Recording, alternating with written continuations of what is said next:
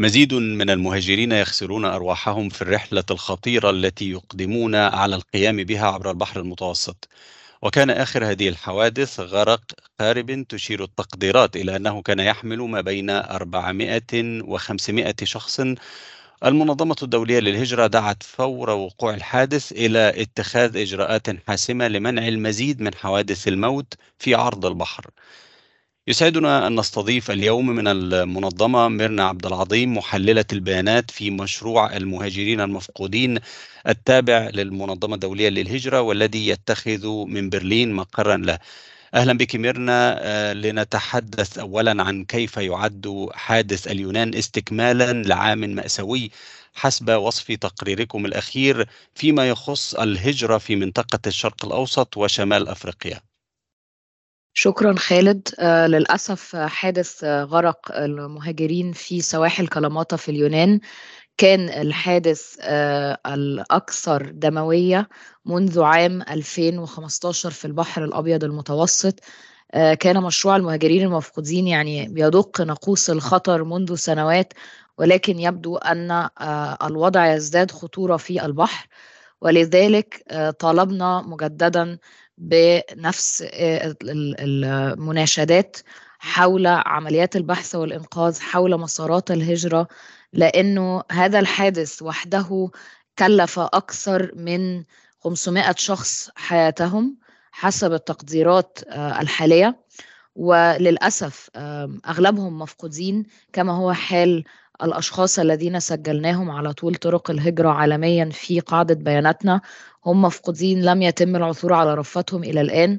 والأغلبية العظمى كما هو حال ركاب هذا القارب آه للأسف آه لم يتم التعرف على هويتهم وتعاني أسرهم كثيرا من أجل آه الإجابة عن سؤال واحد هل هم ما زالوا أحياء؟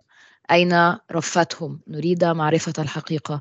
فالوضع الحقيقة آه، ليس فقط متكرر ولكن أنا أرى آه، أنه يزداد سوءا حسب البيانات الأخيرة. طيب أنتم تتابعون الأرقام ويعني تتبعون ما يحدث في هذه المنطقة وخصوصا طريق البحر المتوسط الذي يعد من أخطر آه، ممرات المهاجرين في العالم. يعني الظروف الصعبة التي تعيشها العديد من دول المنطقة كيف انعكست على أرقام المهاجرين الذين يختارون اللجوء لطريق البحر المتوسط رغم الخطورة ورغم التعرض لخطر الموت؟ طبعا إذا قارنا بيانات التي تقيس معدلات الخطورة على طرق الهجرة ومن ضمنها آه، حالات الوفاة نرى أيضا أن هنالك ازدياد في التنقل أو في الحاجة إلى التنقل بسبب عوامل مختلفة في سواء في دول الشرق الأوسط وشمال أفريقيا أو الدول المجاورة التي تعاني من عدم استقرار أو من بعض الأزمات. وأيضا طبعا تغير المناخ هو عامل رئيسي في المنطقة كما تشير دائما البيانات آه، في هذا آه، في هذه المنطقة من العالم. آه، ونرى مع ذلك أنه مع ازدياد حاجة الناس إلى التنقل ليس هنالك مسارات هجرة آمنة ونظامية كافية. فبالتالي يلجأ هؤلاء الأشخاص الذين في وضع صعب جدا وفي وفي وضع يحتاج للحماية أيضا على هذه الطرق يلجؤون للطرق الخطيرة والطرق غير النظامية.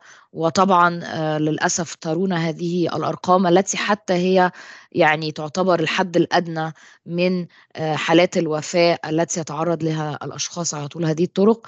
والدليل الأكبر على هذا أن في عام 2022 تحديدا سجلنا أعلى معدل وفيات آه، على طول طرق الهجرة من منطقة الشرق الأوسط وشمال أفريقيا وعبر المنطقة ومن المنطقة إلى آه، أوروبا ومناطق أخرى آه، حيث سجلنا يعني أكثر من 3700 حالة وفاة.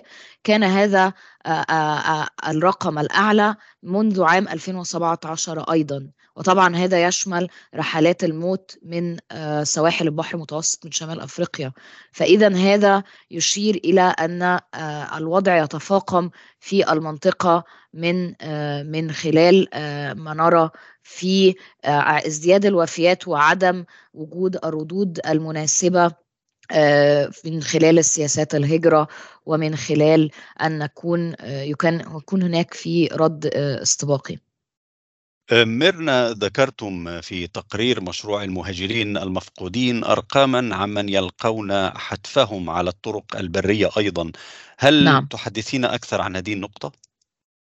طبعا آه، هو الحقيقة أن العام الماضي آه، لقد سجلنا آه، معظم الوفيات في البحر الأبيض المتوسط أكثر من 2400 حالة وفاة ولكن أيضا سجلنا حالات وفاة كثيرة على الطرق البرية أولا في شمال أفريقيا خاصة على معبر الصحراء الكبرى. هو معبر خطير أيضا لأنه معظم الحالات الوفاة التي تحدث في هذا الطريق النائي والخطير والصعب لا يتم ابدا العثور على رفتهم أو معرفة ما حدث لهم.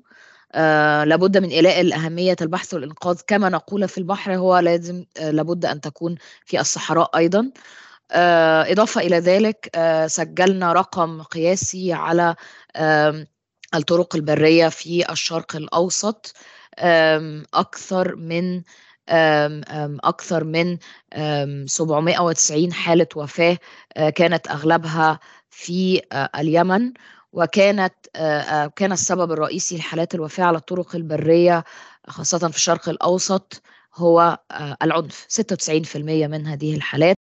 ذكر في أكثر من مناسبة من قبل المنظمة الدولية للهجرة يعني تم الحديث كثيرا عن موضوع الحلول الملموسة ما هي الحلول الملموسة وكيف يمكن الوصول إليها؟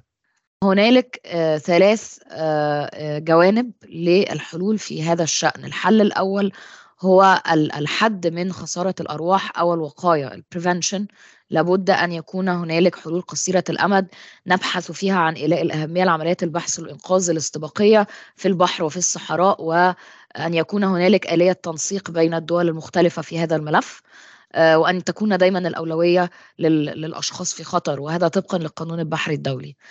البعد الثاني هو التعرف على الهويات الحق في ال identification ومن هنا طبعا لابد أن تكون للدول الإمكانيات اللازمة أن تستطيع التعرف على الشخصيات من خلال التعاون الدولي والإقليمي وأيضا أن يقوموا بأخذ مثلا عينات ال DNA لابد أن يقوموا التعرف على رفات المهاجرين قبل دفنهم وان يتم دفنهم بكرامة حتى تستطيع أسرهم التعرف عليهم.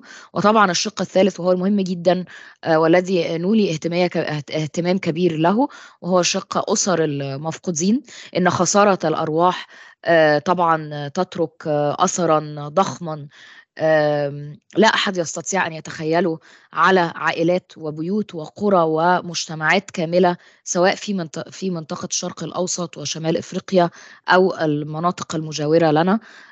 لأنه طبعا هنالك تأثيرات اقتصادية واجتماعية ونفسية جمه لا تنتهي لأن تلك الخسارة لا توجد حتى إجابة لها. اذا لابد التنسيق مع الأسر وأن يكون هنالك الحق في اللجوء للعدالة وحماية الشهادات شهود العيان وهنالك أمور كثيرة في هذا الشأن كانت شبكة الأمم المتحدة للهجرة وشركائها نشروا الكثير من التوصيات والبيانات الإرشادية في في هذا الأمر. طيب أخيرا هل هناك مبادرات واعدة سواء من قبل الحكومات أو المجتمع المدني قد تساعد في إيجاد حلول لهذه القضية والتقليل من المخاطر؟ طبعا هنالك ممارسات جيدة بالفعل في مناطق مختلفة. هنالك مبادرات من حكومات أخرى رأينا في النيجر وهي دولة مهمة جدا هي دولة مصدر وعبور. رأينا أنهم يقوموا بالاهتمام بالبحث والإنقاذ في الصحراء. وهذا طبعا مهم للحول دون الخسارة في المقام الأول. وهنالك مبادرات أخرى من منظمات سواء منظمة دولية للهجرة أو منظمات أممية أو دولية أخرى طبعا على رأسها لجنة دولية للصليب الأحمر والذي لديهم برنامج تتبع المفقودين بالفعل مع الأسر.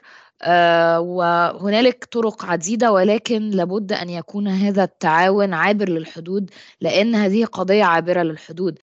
ميرنا عبد العظيم محللة البيانات في مشروع المهاجرين المفقودين التابع للمنظمة الدولية للهجرة شكرا جزيلا لك.